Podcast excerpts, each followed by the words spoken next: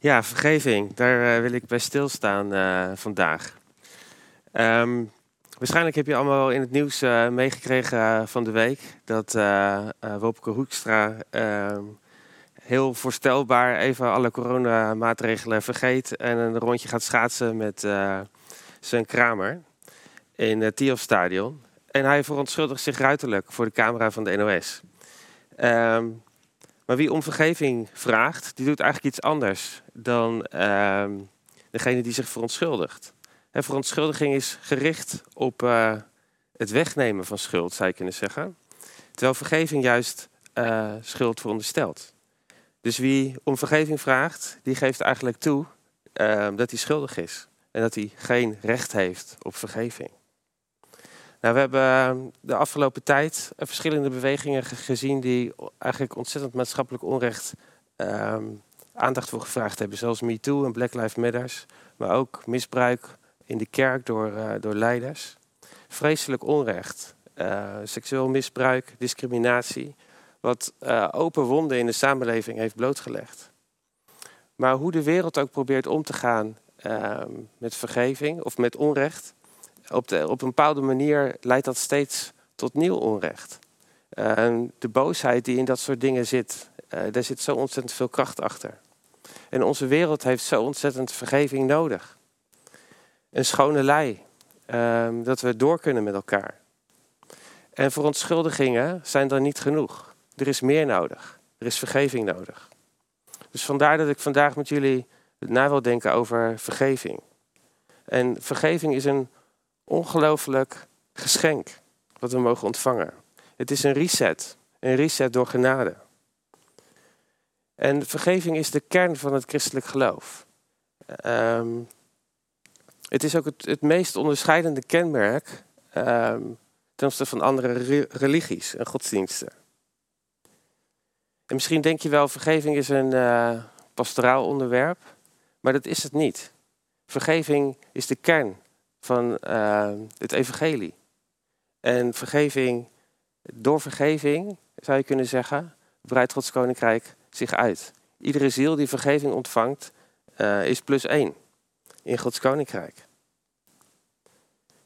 En het is een ontzettend mooi geschenk wat je mag ontvangen door geloof. Niets wat jij doet uh, kan daaraan bijdragen. Je ontvangt het door genade pure genade van Gods kant. En we hebben dat allemaal zo ontzettend hard nodig. Een reset van schuld en schaamte. En het is dus ook niet voor niets dat vergeving eigenlijk het hart vormt van het uh, gebed wat Jezus ons geleerd heeft, het Onze Vader. Zullen we dat met elkaar bidden? Bid mee, ook als je thuis bent. Onze Vader in de hemel, laat uw naam geheiligd worden. Laat uw koninkrijk komen, uw wil gedaan worden, op aarde zoals in de hemel. Geef ons vandaag het brood dat we nodig hebben. Vergeef ons onze schulden, zoals wij hebben vergeven wie ons iets schuldig was. En breng ons niet in beproeving, maar red ons uit de greep van het kwaad. Vergeving is in deze tijd misschien wel een concept wat je associeert met vroeger tijden. De belangrijkste levensvraag die we vandaag de dag stellen is niet hoe kan ik vergeving vinden in mijn leven? Nee, de meeste mensen vragen zich af hoe kan ik vervulling vinden in mijn leven? Hoe kan ik succesvol zijn? En we leven in een cultuur, in een maatschappij die vergeving op een bepaalde manier heeft gereduceerd. we zeggen tegen elkaar, ik heb toch niks ergs gedaan, ik heb niemand vermoord, uh, ik sla mijn kinderen niet, ik uh, ben lief voor mijn vrouw. Ik heb niemand opgelicht. Nee, we zondigen niet meer. Nee, wij zeggen sorry. We maken fouten. We zeggen sorry. En de politieke variant is dan misschien. Uh, ik heb daar geen actieve herinnering aan. Maar in onze cultuur uh, zijn we gaan denken over vergeving. Uh, we hebben dat op een bepaalde manier wat losgelaten. En de kracht die het vroeger had, zijn we kwijtgeraakt. En het is op een bepaalde manier een beetje verschoven. Uh, het morele geweten uh, is veel meer verschoven naar een feel-good filosofie. Je kunt van alles doen wat je wilt. Als jij je er maar goed bij voelt, dan is het oké. Ga ervoor. Leef in het moment. En we hebben zelfs ons woordgebruik daarop aangepast. Ehm, wie vraagt er tegenwoordig nog vergeving? Wanneer heb jij voor het laatst tegen iemand anders gezegd: Ik vergeef jou? Niet zo van het is oké, het maakt niet uit. Nee, ik vergeef je. Want het, het, heeft iets in mijn hart gedaan en ik moet daar vanaf. We leven in een cultuur uh, die zegt dat je uh, eigenlijk niet te lang stil moet staan bij dat soort dingen. Gewoon door moet gaan. Maar als we dat proberen, doorgaan met ons leven, terwijl er dingen gebeuren die dieper inhaken, dan uh, werkt het eigenlijk maar heel erg matig. We proberen daar dan mee te dealen. En ehm, we komen maar al te vaak uit in ja, ongezonde gedragingen, in verdovingen. Misschien ook wel schadelijke dingen, zoals verslavingen. Dus dat is wat coping en doorgaan met ons kan doen. En Jezus zet ons stil bij vergeving. Hij wist als geen ander hoe ontzettend wij vergeving nodig hebben. En het vormt dus ook de kern van het gebed. Het grootste geschenk wat wij kunnen ontvangen is vergeving. En wij hebben zo'n reset nodig. In Matthäus uh, ehm, 12, daar gebruikt uh, Jezus, vergeef ons onze schulden. En in Lucas, waar ook het Onze Vader staat, daar uh, wordt het woord zonde gebruikt. Vergeef ons onze zonden. Nou, als je schulden had in de tijd van Jezus, dan had je echt een enorm probleem. Er was geen hulpverlening, er was geen sociaal vangnet. En uh, je kwam eigenlijk in een vicieuze cirkel van armoede terecht. Dus met deze metafoor van schuld uh, maakt Jezus het heel tastbaar voor ons. Maar ook in onze tijd is het uh, echt geen goed idee om schulden te hebben. Denk aan de kinderop, kinderopvangtoeslagaffaire. Waar zo ontzettend duidelijk wordt wat, wat schulden met mensen doet. Het maakt levens kapot. Dus met deze metafoor wil Jezus heel krachtig uitleggen ehm, dat zonde een morele schuld is. En wanneer we bij God komen, dan hebben we niet alleen vergeving in algemene zin nodig, maar ook in specifieke zin. Wat hebben we verkeerd gedaan? Hoe hebben we tegen God gezondigd? Hoe hebben we tegen anderen gezondigd? En in Psalm 139, vers 24, daar vinden we een suggestie voor een, ja, een soort uh, zelfonderzoek. Waar staat, de grond mijn God en ken mijn hart. Peil mij. Weet wat mij kwelt. Zie of ik geen verkeerde weg ga. En leid mij over een weg die eeuwig is. Ik weet niet of je bekend bent met uh, de twaalf stappen van uh, de AA. Die die alcoholverslaving behandelen. Maar de vierde stap in dat proces, die gaat als volgt. We maakten een diepgaand en onbevreesd morele balans op van ons leven. En de vijfde stap is zelfs nog confronterender. Wij bekenden tegenover God, tegenover onszelf en tegenover een ander mens de ware aard van onze misstappen. Auw. En stap 5 is ook voor veel mensen een reden om uit te stappen. Het is te confronterend. We willen niet geconfronteerd worden met de aard van onze misstappen. En dat, dat toegeven, dat lijkt het ergste wat je kan doen. In onze gemeente uh, bieden we je graag ook uh, een SOZO aan. En door een SOZO te ondergaan kan je echt diepere vrijheid uh, ontvangen. Door de kracht van vergeving. En je neemt een avond de tijd, twee uur. Uh, wat is dat op een mensenleven? Je neemt de tijd in, in gebed om uh, in gesprek met God te zijn. En uh, je neemt verantwoordelijkheid voor jezelf. Uh, voor je eigen woorden, voor je eigen daden. En je gaat kijken naar hoe woorden en daden van anderen jou hebben beïnvloed. Een moreel zelfonderzoek zou je kunnen zeggen. Een moreel zelfonderzoek in de nabijheid van God en van een ander die je door het proces heen kan helpen. Maar niet alleen met een sozo kan je een moreel zelfonderzoek doen. Iedereen wordt ehm, vanuit de Bijbel uitgenodigd om een moreel zelfonderzoek te doen. Dat is wat we lezen in Psalm 139. Heer, doorgrond en uh, ken mijn hart. Hoe kun je dat voor jezelf uh, praktisch maken? Ik stel voor dat je van de week eens een moment neemt met eh, een stukje papier of een aantekeningenboekje of misschien je favoriete noten-apps. En in plaats van dat je God vraagt van, Heer, hoe heb ik uh, gezondigd? Vervang, vervang dat woord zonde dan eens door een specifieke woord. Want het woord zonde is voor jou misschien een beetje een containerbegrip geworden. En dan verliest het wat betekenis. Dus maak het specifiek. En vraag bijvoorbeeld: Heer, wie heb ik in de steek gelaten? Of wie heb ik genegeerd? Wie heb ik vergeten? Of tegen wie was ik veel te kritisch? Wie heb ik veroordeeld? Of wie heb ik de schuld afgeschoven? En waar is mijn hart koud geworden? En hard? Of waar ben ik passief geweest? Heer, waar heb ik uh, niet op u vertrouwd, maar ben ik mijn eigen gang gegaan? Op wat voor manier heb ik mijn pijn uh, verdoofd in plaats van het bij u te brengen, zodat u mijn hart kunt genezen? En op deze manier kom je in contact met, wat er, met je eigen misstappen, wat er mis is. En wij worden uitgenodigd om zo'n moreel zelfonderzoek te doen. Nou, misschien is de coronatijd waar toch uh, voor sommigen ook wel wat meer rust is. Een mooi moment om daar eens de tijd voor te nemen. Maar we worden ook uitgenodigd om een volgende stap te zetten. Om ons bewust te worden van de impact van onze woorden en daden. En in het Oude Testament vind je instructies um, van wat het volk Israël moest doen als ze erachter kwamen dat ze gezondigd hadden.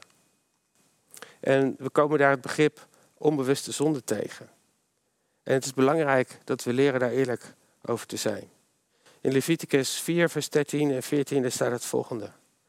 Als de gehele gemeenschap zonder het te beseffen zondigt tegen een van de geboden van de Heer en onopzettelijk schuld op zich laat door iets te doen dat niet is toegestaan, moet het volk, zodra het beseft wat het misdaan heeft, een stier aanbieden als reinigingsoffer.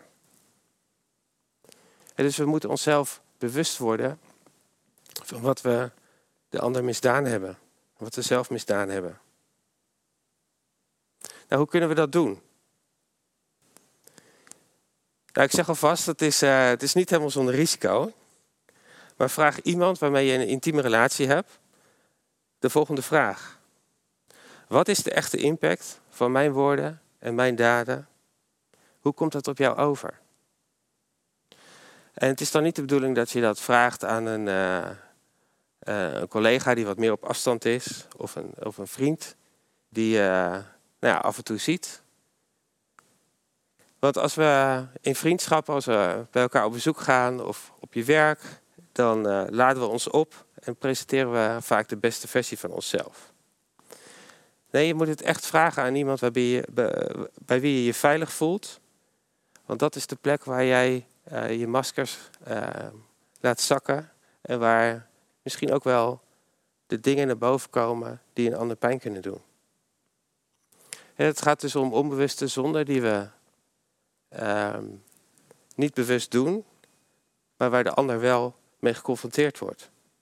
En vaak uh, denken we dat anderen dat niet zien, maar iedereen ziet het, behalve wij zelf.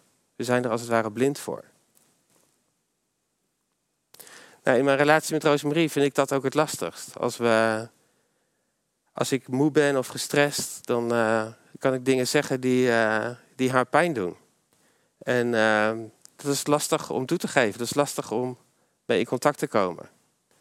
Het gevoel dat ik dan zelf even ruimte heb nodig heb, is dan belangrijker dan uh, in verbinding met haar zijn. Dus als je echt serieus van plan bent om deze vraag te stellen, dan geldt er ook nog een andere, andere regel. Jij mag de vraag stellen, de ander antwoordt, maar je mag jezelf niet verdedigen. En stel dat iemand jou teruggeeft. Je bent niet emotioneel aanwezig in onze relatie. dat doet mij verdriet. Laat het dan eens binnenkomen. Het vraagt veel nederigheid om dan misschien ook de volgende vraag te stellen. Hoe komt het dan dat ik dat eigenlijk al langer niet ben? Wanneer is dat begonnen? En ik moet misschien wel erkennen dat ik dat een hele tijd al niet ben. Vergeef mij. Of misschien ik proef zoveel boosheid in jou. Je bent onderhuid zo vaak boos. Misschien heb je wel gelijk. Waarom zit er zoveel boosheid onder de oppervlakte? Of misschien dat iemand jou teruggeeft. Jij schuift altijd zo de schuld af. Het ligt nooit aan jou. Ja, nu je dat zo zegt. Ik vind het lastig om daar verantwoordelijkheid voor te nemen. En ik doe dat eigenlijk al sinds mijn kindertijd. Waarom doe ik dat? Wat is er mis met mij?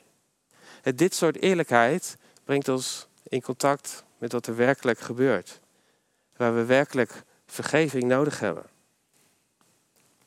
En misschien denk je wel bij jezelf, ja, dit ga ik dus never nooit doen. Hè? Dit is veel te confronterend, komt veel te dichtbij.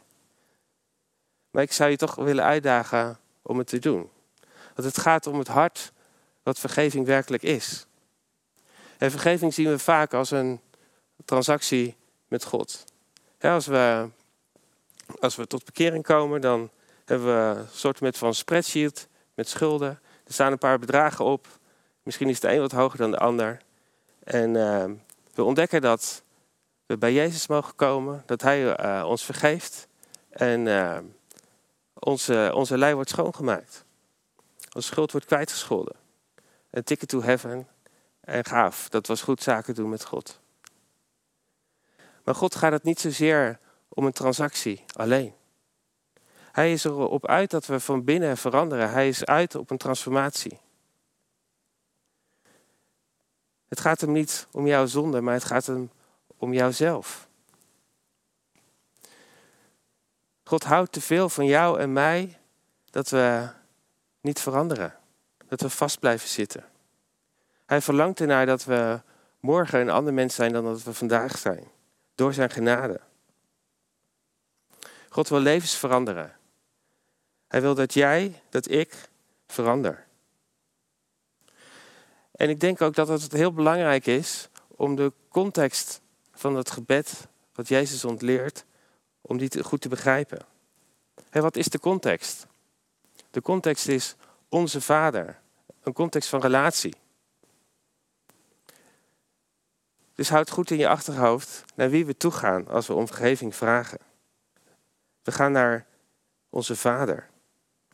En Jezus onderstreept dat met een prachtig verhaal. En we kennen dat allemaal, een beroemd verhaal ook. Een verhaal over een vader en een zoon. En hij vertelt een verhaal over een vader die, die erg rijk is, die vrijgevig is, die ontzettend liefdevol is. En zijn jongste vrouw, zoon die vraagt bij leven al om de erfenis. En die wordt hem gegeven. Maar hij verbrast alles. En uh, al het geld gaat op aan feesten, aan vrouwen, aan drank. En hij maakt alles op tot de laatste cent. En hij komt uiteindelijk in de goot terecht. Zonder eten houdt hij zichzelf in leven met varkensvoer. En dan pas komt hij tot zijn positieve.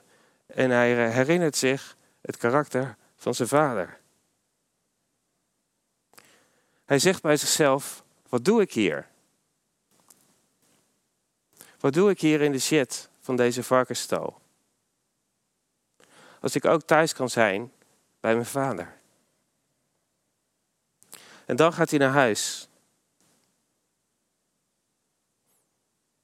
En Jezus, die vertelt ons dat de Vader wacht met open armen.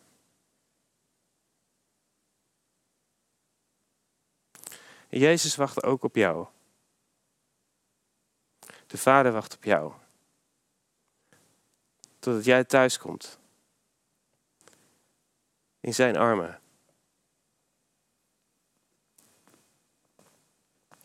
En misschien uh, ken je het programma van uh, Joris Linsen wel. Hello Goodbye. Hij interviewt dan mensen die uh, op, op Schiphol uh, thuiskomen. En er staan, dan, ehm, er staan dan allerlei mensen te wachten natuurlijk. En dat is zo prachtig om te zien, een prachtige televisie. Die emotie van een hereniging. Mensen die thuiskomen en in de, in de armen van hun geliefde worden opgesloten. Zoveel ehm, ontlading in zo'n omhelzing. Dat is het plaatje wat Jezus schetst. God houdt van mensen die thuiskomen. En God wacht op jou. En als jij na lange tijd thuiskomt, dan zal dat zijn hart ontzettend diep raken. En je zal zelf ook diep geraakt worden. Hij roept ons naar huis. Kom bij mij. Neem alles mee wie je bent en wat je hebt gedaan. En hoe je je ook voelt. Kom thuis. Vader, vergeef ons onze schulden. Dat is het eerste deel van het gebed dat Jezus ons leert. Het tweede deel is, zoals wij ook hebben vergeven die ons iets schuldig was. En dat is misschien nog wel het moeilijkste deel.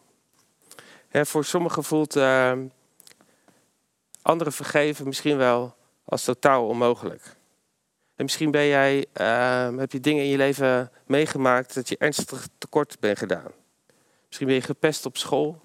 Is er misbruik van je gemaakt, fysiek. Misschien ben je verstoten door je familie. Misschien voel je je verwaarloosd in je huwelijk of in andere relaties. Hoe kan je zoiets ooit vergeven? Hoe dan? Maar er is hoop. Jezus zegt uh, dat het kan. En dat is wat hij ons leert in dit gebed. Vader, vergeef ons zoals wij ook anderen vergeven. Nou, wat is dan het verband van het woord zoals? Is dat een soort voor wat hoort wat relatie? Werkt het zo bij God? Nee, gelukkig niet. God gaat niet zo met ons en vergeving om. En dat is niet wat Jezus bedoelt in deze tekst. En toen Jezus aan het kruis hing, zei hij niet: uh, Vader, vergeef hun, want dit zijn de meest vergevensgezinde mensen. Nee, hij zei: Vader, vergeef hen, want ze weten niet wat ze doen. Vergeef hen, ondanks hun verharde hart. Vader, ik wil dat deze mensen vergeven worden. Snap je, dat is het hart van God. Maar wat bedoelt Jezus hier dan? En toen Jezus naar de aarde kwam, introduceerde hij een nieuwe realiteit. De realiteit van Gods wereld maakte Jezus zichtbaar. Gods koninkrijk brak door, um, waar Jezus verscheen. En waar hij verscheen, daar was het hart van vergeving zichtbaar. Waar hij ook kwam, sprak Jezus vergeving uit. En niets was meer hetzelfde. Jezus sprak vergeving uit over een uh, verlamde man. En daarna draagt hij hem op om op te staan. En zijn benen vinden nieuwe kracht. En hij kan weer lopen. Zijn leven was totaal veranderd. Jezus vergaf corrupte belastingambtenaren en prostituees. En zij werden de, de eregasten bij zijn maaltijden. En hetzelfde geldt voor jou. God spreekt vergeving uit over jou. En als jij dat ontvangt, dan zul je ook merken dat jouw leven verandert. En je zou dit gebed, wat Jezus ons leert, ook uh, misschien voor kunnen stellen als ademen. Wanneer God deze nieuwe realiteit in jouw leven binnenbrengt, dan is dat als het ware als de schone en de frisse lucht die we mogen inademen. Even zonder mondkapje. Um, en we, we mogen schone lucht inademen, zonder schuld, zonder schaamte, zonder boosheid, zonder wrok, zonder wraak. Vader, vergeef mij mijn schuld. En we ademen uit zoals wij ook anderen vergeven die ons iets schuldig zijn. Dus vergeving is niet alleen bedoeld um, om te ontvangen, maar ook om weg te geven. En dat is het verband. Vergeving is niet alleen bedoeld voor jou, maar het is ook bedoeld om door jou heen te stromen naar anderen toe. Om doorgegeven te worden. Dat is de kern van vergeving. En hoe werkt het dan? Nou, misschien kan ik eerst beter even zeggen hoe het niet werkt. En vergeving is geen verzoening. Het is niet vergeten. Het is niet minimaliseren. Het is niet bagatelliseren wat er is gebeurd. Het betekent ook niet dat er geen gevolgen kunnen zijn. Ik heb zelf de bevrijdende kracht van vergeving mogen leren kennen toen ik op 20-jarige leeftijd mijn vader heb vergeven. En uh, ja, ik, uh, ik had in de loop van mijn leven uh, ja, behoefte aan dingen die ik niet heb ontvangen van hem, ehm, die hij niet in staat was om te geven. Essentiële dingen zoals bevestiging en aanvaarding. En dat bracht mij op een plek die, ja, die best wel leeg was. En dat nam ik hem ontzettend kwalijk. En ik was me dat eigenlijk niet helemaal bewust. En op een conferentie um, kwam dat eigenlijk allemaal naar boven. En heb ik hem uh, vergeven. En ik voelde echt een heel drukkend gevoel uit mijn hoofd omhoog gaan. En dat was een scharniermoment uh, in mijn leven, zou je kunnen zeggen. Zo ontzettend bevrijdend. Um, dat het leven daarna nooit meer hetzelfde is geweest. Vergeving is krachtig. En vergeving begint in gebed. ik breng deze persoon, deze vreselijke situatie voor uw troon. anderen vergeven is in eerste instantie iets tussen jou en God. En vergeving kost ook tijd. Dat, die conferentie wat ik net noemde, dat was een moment waar ik uh, echt een doorbraak ervoer. En, en in, daarna was er een proces waar er steeds ook nieuwe momenten waren. Waar vergeving een rol speelde. In deze gemeente kan je gebed ontvangen. Straks na de dienst kan je gebed ontvangen. Dat kan misschien een eerste stap zijn. Het kan een moment zijn van een doorbraak. Maar de, misschien is het ook een opvolging van een proces van vergeving waar je al in zit. Maar ik zou je willen uitdagen, blijf niet rondlopen met schuld en schaamte. Laat voor je bidden. Breng jezelf bij God. Met alles erop en eraan. Met alles wie je bent en alles wat je hebt meegemaakt. Ontvang een reset van vergeving door genade. Adem in. Vergeef mijn schuld en adem uit. Zoals wij ook anderen hebben vergeven die ons iets schuldig zijn. Alleen vergeving kan de vijandige polarisatie tussen groepen in onze samenleving uh, helen. Vergeving en vergeving ontvangen en vergeving uh, geven, erkennen van schuld, dat heeft de kracht om de wereld te veranderen. Het onrecht van Black Lives Matter en MeToo kan daardoor een reset krijgen. Alleen vergeving kan de kloof tussen uh, dader en slachtoffer helen. Vergeving herstelt relaties. Het is het hart van het evangelie. Het is pure genade. Vergeving is de hoop voor deze wereld. Amen. Goed, laten we bidden. Vader, we komen zo voor uw troon. In het besef dat we uw vergeving zo hard nodig hebben. En Heilige Geest, wilt u, wilt u komen. Wilt u die dingen in ons hart aanraken en naar boven brengen. Die vergeving nodig hebben. Heer, ik bid dat u ook de mensen die we mogen vergeven op dit moment in ons hart naar boven wilt brengen. En Heer, help ons om daar vandaag een stap in te zetten. En opnieuw vergeving te ontvangen. Vader, ik bid dat u ons verandert door genade vandaag. Dank u wel, Heer, dat u uh, zo ontzettend veel van ons houdt. Dank u wel dat uh, u uw zoon heeft gegeven, dat zijn bloed is heeft gevloeid en volledige vergeving heeft bewerkt. Vader, dank u wel dat door uw vergeving, Heer, de vijand geen recht meer heeft op ons leven.